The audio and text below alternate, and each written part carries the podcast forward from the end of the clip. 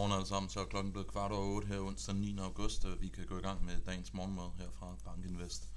Hvilke temaer er det, der ligger og dominerer i øjeblikket? Jamen først og fremmest så vi, at Moody i går var ude og downgrade 10 små til mellemstore virksomheder, banker i USA, og det var altså med til at hæmme risikovilligheden, om end det regionale bankindeks, som jeg også kommer tilbage til senere i præsentationen, ikke viste det sådan helt store fald. Men det er sådan en reminder om, at der er altså stadigvæk nogle usikkerhedsfaktorer, og den bankkrise, som vi så i marts måned her i år, jamen, den er nødvendigvis øh, ikke helt overstået. Der kan altså stadigvæk være nogle skeletter i, i skabet.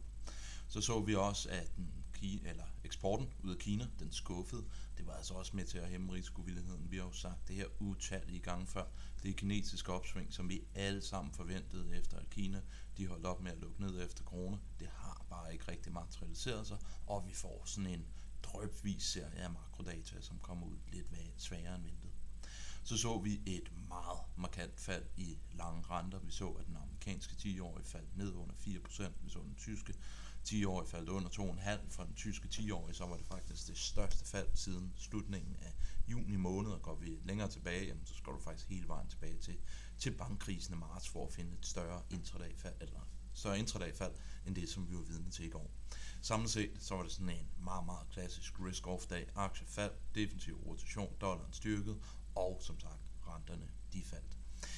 Så vil jeg gerne sige, øh, at der kommer til at ske noget spændende her i øjeblikket i form af makrodata, i form af centralbanks kommentarer, men det gør der altså ikke rigtigt, og det virker altså som om vi har et marked, som bare går og afventer det her CPI-tal, som vi får i morgen.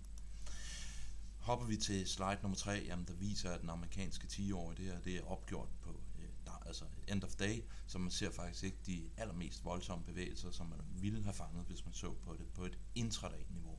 Men på et øh, slutdagniveau, jamen der er vi altså gået fra 4,18 den 3. august, og nu hedder vi 4,02, og som sagt, at det var aller værst, eller da faldet var allerstørst øh, i går, jamen der var vi hele vejen nede under 4% for den amerikanske øh, 10-årige. Så vi ser altså en stabilisering i hvert fald her på marginalen, når vi ser den her opadgående trend, som vi har set siden maj måned, den begynder altså lige så langsomt at fade ud i øjeblikket. På et faktorniveau, jamen, som sagt, var vi vidne til en defensiv rotation. De defensive aktier var faktisk den eneste øh, ja, faktor, som endte i plus. Vi så cykliske aktier, det underperformet. Vi så også, at growth aktier, de outperformede value, og det var også delvist understøttet af det her fald, som vi så i de lange renter. Og prøver vi for en gang skyld at se på det på et traditionelt sektormæssigt niveau, jamen hvad var det, der klarede det godt? Det var energi, det er jo som altid en historie, der hopper og danser med oliepriserne, men ser man bort fra den, så var det healthcare, og det var utilities, der endte i plus. Det var to meget, meget traditionelle defensive, øh, defensive sektorer. Så det var sådan en meget, meget traditionel, vil jeg sige, klassisk risk-off dag, som vi var vidne til. Fokuserer vi på prisningen af Fed, jamen der, som jeg har sagt flere gange før, så sker altså ikke rigtig det helt store med prisningen af 2023. Alle forventer, at Fed de kommer til at holde renterne på de nuværende niveauer hele vejen op igennem 2023, faktisk også et stykke ind i 2024, og det er så i op over sommeren og efteråret 2024, at vi sådan for alvor skal se de her store øh, rentesænkninger komme ind fra USA. Men prisningen for Fed ultimo 2024, den faldt, og vi ligger altså nu under 4%. Ser vi på S&P 500, jamen så er der altså stort set lige så lang vej op til, at det skal sætte nye rekorder for 2023, som at det skal ned og teste det 50 dage glidende gennemsnit. Det er cirka 1,5% penge hver vej. Så det føles altså virkelig som, at vi står på sådan et knivsæk i øjeblikket, hvor markedet ikke kan finde ud af, om vi skal op eller ned. Og jeg tror, at vi kommer til at være på den knivsæk, indtil vi kommer igennem det her inflationstal i morgen. Men i hvert fald, det er altså et marked, som har lidt svært ved at finde ud af, hvilken vej øh, det skal trade over de kommende par uger og kommende par måneder. Så fik vi NFIB i går, den var, det var ikke fordi den overraskede sådan super meget i forhold til forventningerne, men den begynder altså lige så langt at, lige så langsomt at stabilisere sig, og som I kan se her i grafen, jamen, så begynder den altså lige så langsomt at kravle op. Så det er altså lidt en illustration på, at de små til mellemstore virksomheder, hvilket NFIB er en PMI for, begynder at se, at det egentlig ikke går helt så katastrofalt dårligt, som mange havde troet, det ville gøre, da vi gik ind i 2023. NFB, det er faktisk min favorit øh, PMI, vil jeg sige, for den amerikanske økonomi, for den stiller rigtig, rigtig mange detaljerede spørgsmål. Et spørgsmål, den stiller de her virksomheder, det er, hvad anser I egentlig som værende det største problem for jeres virksomhed?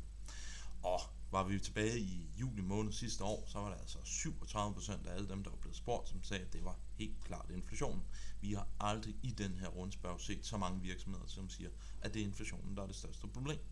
Nu er den altså faldet fra, at det var 37%, der sagde det, til at det nu bare er 21%. Så det er altså færre og færre virksomheder, som siger, at det er inflationen, som er det største problem for dem i øjeblikket. Så kan man jo stille sig det meget relevante spørgsmål, hvad er så det største problem, hvis det ikke længere er inflationen? Og det er så det, vi viser her på slide nummer 10. Og det der er det, det er altså, at det er svært at finde kvalificeret arbejdskraft. Det er altså quality of labor, der er det største problem. Det har historisk altid været den største udfordring for de her små til mellemstore virksomheder. Men det er interessant, at det er igen det, der begynder at dominere, og det ikke længere er det samlede inflationsbillede. Hvis man nu skal være lidt positiv, øh, så spørger de faktisk også, hvad er jeres investeringsplaner over de kommende øh, 6 måneder? Der kan man altså se, at øh, netto 27% de forventer altså at hæve deres investeringer. Så spørgsmålet, jeg stiller mig, det er, om vi lige så langsomt begynder at se en økonomi, som lægger frygten for en recession bag sig. Lidt ligesom aktiemarkedet jo har gjort øh, over de sidste 7-8 måneder. Det er i hvert fald positivt at se, at de her små og mellemstore virksomheder i alt højere grad ønsker at ekspandere og ønsker at lave nogle investeringer. Det er jo altså noget, der kan være med til at understøtte øh, væksten i USA. Så fik vi som sagt i går morges øh, hvad hedder det, handelstal for Kina, og der kan vi se, at eksporten ud af Kina på en year-on-year basis, jamen den falder altså med 14,5% målt i dollars. Det er altså ikke super positivt, og man havde altså håbet, at vi havde set en kinesisk eksport, som begyndte at få lidt fart i takt med, at virksomhederne kunne producere mere, nu når de ikke skulle lukke ned hele tiden på baggrund af corona. Men vi ser det altså ikke rigtigt i, i øjeblikket. Så det er altså en kinesisk økonomi, som både på den her parameter, men også en masse andre, ligesom ligger og halter lidt i øjeblikket, og det er jo også derfor, vi har set de her kinesiske forsøg på at lave noget intervention og stimulere både pengepolitisk, men også finanspolitisk, for at få væksten op i gear. Det har jeg taget med her på slide nummer 13 som den sidste graf for dagens præsentation. Det er det regionale bankindeks i USA, og som vi kan se i marts måned, jamen, så falder det kraftigt. Det er jo ikke den helt store overraskelse. Det var der, vi havde Silicon Valley Bank og First Republic Bank, der gik ned. Og så har vi altså lige så langsomt begyndt at kravle os op igen efter maj måned. Og så i går, jamen, der fik vi så et lille fald, og det var så andet i dag, at Moody's det var ude og, og advarer om nogle af de her små til mellemstore virksomheder, og i hvert fald var ude og, og downgrade dem. Så isoleret ikke en positiv historie, men det havde altså som sagt ikke, ikke verdens største effekt, vil, vil jeg i hvert fald sige. Nå, hvad kommer der så også til at ske i dag? Nu vil jeg altså gerne sige, at det bliver en stille dag, for vi får altså meget, meget få makroøkonomiske nøgletal, og vi får meget, meget få øh, centralbanksmedlemmer, som skal ud og snakke om det ene eller det andet. Men markederne, de er altså rimelig volatile i øjeblikket, og det er altså nogle meget, meget store bevægelser, så jeg kan altså ikke øh, love, at det bliver en selvdag, og jeg tror faktisk mere, at det heller nok til at blive en volatil dag, selvom der ikke kommer det helt store makro- eller centralbankskommentarer. Så får vi, øh, eller vi har nogle negative markeder i Asien her fra morgenstund. Vi kan dog konstatere, at de amerikanske aktiefutures, de er i plus. Så spændende dag, vi går i, i vente i dag, og så endnu mere spændende i morgen, hvor vi får det amerikanske inflationstal. Med disse ord, så ønsker jeg alle sammen en rigtig, rigtig god dag på de finansielle markeder. Vi høres ved i morgen. Hey?